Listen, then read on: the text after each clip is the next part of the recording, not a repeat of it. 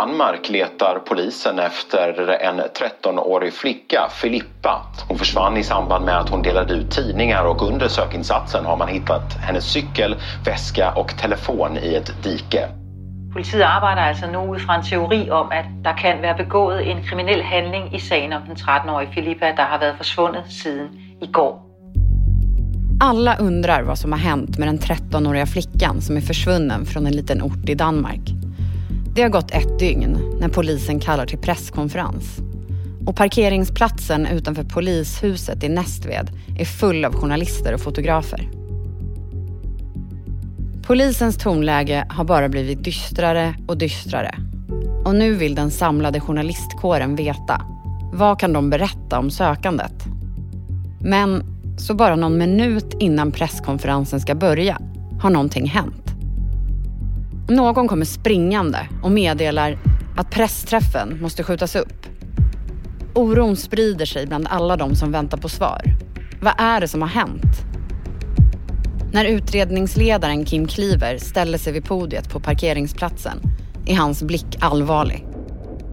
Vi har inkallat til pressemøde, det hade vi med en øh, eh, annan dagsorden än den, jag kan meddela nu. Kim Kliver hade tänkt uppdatera om hur utredningen går. Men de senaste minuterna har förändrat allt. Han darrar på rösten när han levererar nyheten. For ganske få minutter siden har vi kunnet meddele Filippas forældre, at vi har fundet hende i live. Den 13-åriga Filippa är hittad och vid liv. Och polisen har anhållit en 32-årig man. Vi er på forældrenes vegne øh, rigtig glade for det udkom. Vi øh, har haft et kolossalt stort stykke arbejde det sidste halvanden døgn, og derfor är vi också lite påverkade av det. Polisens lättnad är påtaglig. Och kanske är det för att de inte alltid lyckats lösa fall med försvunna flickor så här snabbt.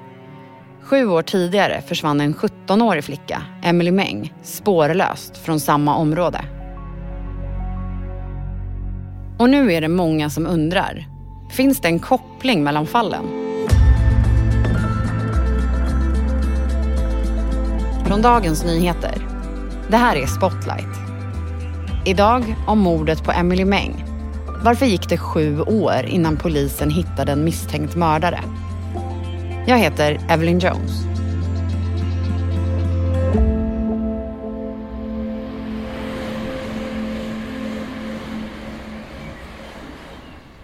Det är en ljus sommarnatt i juli 2016.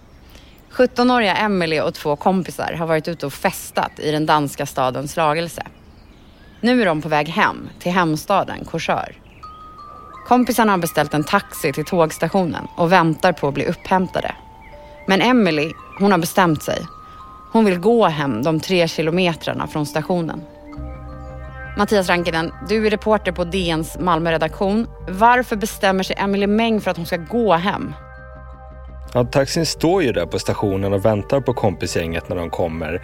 Men Emily Meng ska ha hört eh, från sin pojkvän som verkar vilja göra slut. Så att hon är ledsen förstås och vill absolut promenera hem. Så de kramas hej då och eh, hennes bästa kompis säger att hon ska bara ringa om det är någonting. Och hon har ett par kilometer hem från stationen men hon kommer aldrig fram. Och det är det hennes mamma som upptäcker på morgonen när hon går in på Emily Mengs rum och ser att sängen är tom. Och då ringer mamman till en av vännerna som ju säger som det var. Hon gick hem vid fyra tiden. Och senare den dagen, eh, det här är en söndag, då anmäler familjen Emily Meng försvunnen till polisen. Men det sätts inte igång något sökande då utan det blir först dagen efter. Och då går poliser, 200 frivilliga, hundar, dykare och helikopter ut och söker efter flickan. Men det är mitt i sommaren och polisen har semesterbemanning. De avbryter sökandet. Flickan var ju ledsen över pojkvännen och hon har säkert stuckit hemifrån frivilligt, resonerar man. Det är först fyra dagar senare som man egentligen börjar utreda det här försvinnandet som ett möjligt brott. Och då söker de vitt och brett efter flickan, bland annat med helikoptrar och så kollar de igenom videomaterial från tågstationer. Men det är också mycket som inte görs. Polisen säkrar inte videomaterial från privatpersoners och företags kameror trots att alla vägar ut från stationsområdet täcks av sådana. Och ett tidningsbud som varje natt är vid stationen ungefär vid den tiden som Emily Meng försvinner, han förhörs inte förrän efter en månad och då är det telefonförhör på ungefär 20 minuter. Eh, så det är helt enkelt väldigt rörigt med semestertider och olika ansvariga under sommaren. Men sen kommer en polisinspektör som heter Kim Cleaver in och tar över fallet.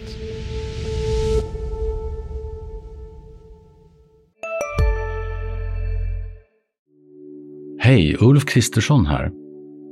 På många sätt är det en mörk tid vi lever i. Men nu tar vi ett stort steg för att göra Sverige till en tryggare och säkrare plats. Sverige är nu medlem i Nato. En för alla, alla för en. Har du också valt att bli egen? Då är det viktigt att skaffa en bra företagsförsäkring. Hos oss är alla småföretag stora och inga frågor för små. Swedeas företagsförsäkring är anpassad för mindre företag och täcker även sånt som din hemförsäkring inte täcker. Gå in på swedea.se företag och jämför själv.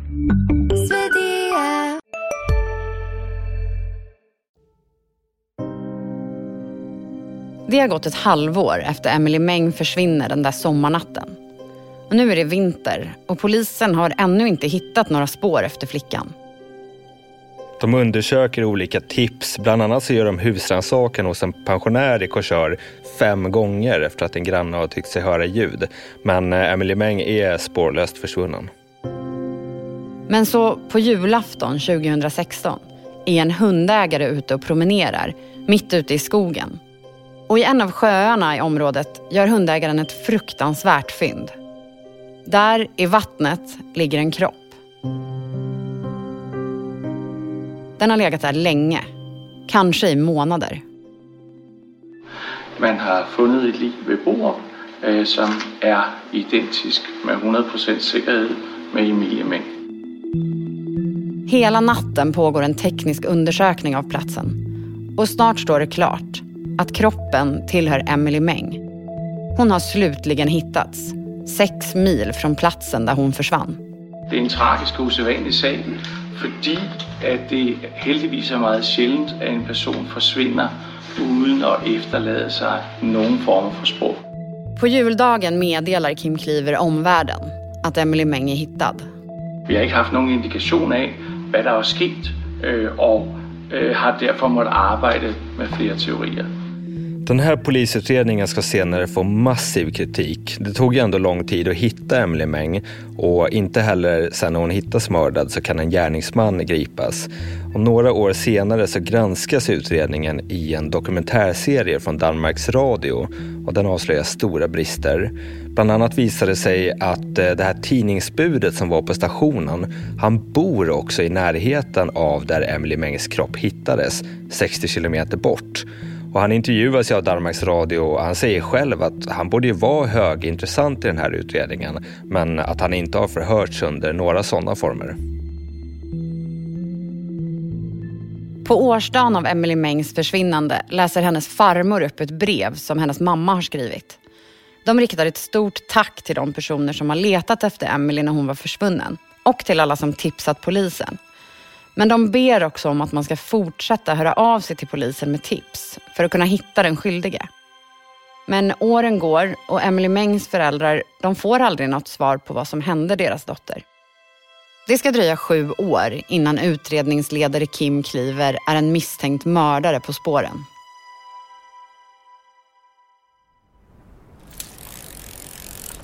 Det är lördag förmiddag den 15 april 2023. 13-åriga Filippa cyklar runt och delar ut tidningar mellan småbyarna nära där hon bor. Men nu är hon färdig med rundan och hon ringer sin plastpappa. Hon säger att hon ska cykla iväg och träffa en kompis. Men efter det blir det tyst. Ingen hör något mer från Filippa den dagen. Den här kompisen försöker ju ringa Filippa såklart, men hon får inget svar och då blir Filippas föräldrar oroliga. Så de sticker ut och letar efter henne och efter ett par timmar då hittar de hennes cykel, mobiltelefon och den här tidningsväskan slängda i vägkanten. Då ringer de förstås polisen direkt. Och vad gör polisen den här gången? Ja, den här gången så blir det inget vänta till dagen efter eller att hon kanske bara gömmer sig, utan nu är det full fart på letandet på en gång. 20 hundar är med, det är drönare, det är helt enkelt ett massivt pådrag. Och han som leder utredningen är polisinspektör Kim Cleaver, alltså samma man som ledde utredningen om Emily Mengs försvinnande för sju år sedan. Och den här gången så ser han till att jobbet blir gjort ordentligt. Polisen ber om tips från allmänheten och de får in över 600 sådana på kort tid. Och framför allt så ber de allmänheten att kolla sina egna övervakningskameror och bilkameror. Och vad ger det för resultat? Det är väldigt bra resultat. På den vägen där 13-åringens cykel hittades, där bor det en kvinna som har en kamera fastsatt i vindrutan på sin bil. Och den kameran är inställd i ett sådant läge att den aktiveras varje gång någonting rör sig i blickfånget på den. Det finns heller inga sidovägar ut från den här landsvägen så att rimligtvis har den fångat en gärningsman eller i alla fall fordonet oavsett vilket håll han har kommit från. Men trots tipsen och det stora sökpådraget låter polisutredare Kim Kliver mer och mer dyster när han berättar för medierna om hur sökandet går. Det är ett omfattande arbete. Polisen pratar med grannar och de har fått hjälp från försvaret. Allt för att de ska få reda på vad som har hänt Filippa. Det är ett omfattande arbete som man måske också har sett. Jamen, så har vi øh, fått hjälp från försvaret med helikopter, vi har droner i luften och vi har politihund. Allt för att vi ska ha funnit ut var är Filippa henne. Men ett dygn senare lyckas polisen hitta Filippa. Hon är omskakad, men vid liv. Nu kommer det fram att hon har blivit kidnappad och hållits i ett hus i Korsör, nära där hon försvann. Huset tillhör en 32-årig man som nu är misstänkt för kidnappningen och för att ha våldtagit henne. Det stora pressuppbådet drog en suck av lättnad när den danska polisen meddelade att de hade hittat 13-åriga Filippa vid liv. Men det är någonting med den här byn, Korsör, som gör att många börjar fråga sig. Hänger det här försvinnandet ihop med det sju år gamla fallet med Emily Meng? Det var ju i samma område och kändes överhuvudtaget väldigt likt så att det var det första jag tänkte om eh, när jag läste om det här fallet med Filippa på helgen. Och jag sa också det till mina kollegor att eh, vi borde hålla ett öga på det här. Eh, alltså att jag såklart bara spekulerar men jag skrev ganska mycket om Emily Meng när det begav sig och tänkte att det skulle kunna finnas en koppling. Och det var det ju fler som tänkte. Familjen Mengs advokat gick eh, tidigt ut och sa att de krävde att man utredde eventuella kopplingar till mordet på Emily Meng. Och snart kopplar Kim Kliver och den danska polisen också ihop de två fallen.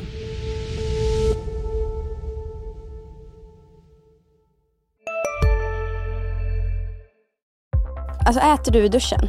Nej, det gör jag verkligen inte. Men alla gör ju det nu. Duschsnacks, Frans. Vilka är alla? Ja, men alla på TikTok och bloggar och allt möjligt. Så är, de har en tallrik i duschen och så är det lite så här oliver och ostbågar typ. Nej men gud, tapas. Där drar jag gränsen. Jag, jag kan sträcka mig till duschöl. Men annars så får man torka sig innan man hugger in på godsakerna. Ja, men lyssna på Nära vänner, en podd med mig Fanny och dig Frans med Expressen. Viktiga nyheter. Hej, Synoptik här. Hos oss får du hjälp med att ta hand om din ögonhälsa. Med vår synundersökning kan vi upptäcka både synförändringar och tecken på vanliga ögonsjukdomar. Boka tid på synoptik.se.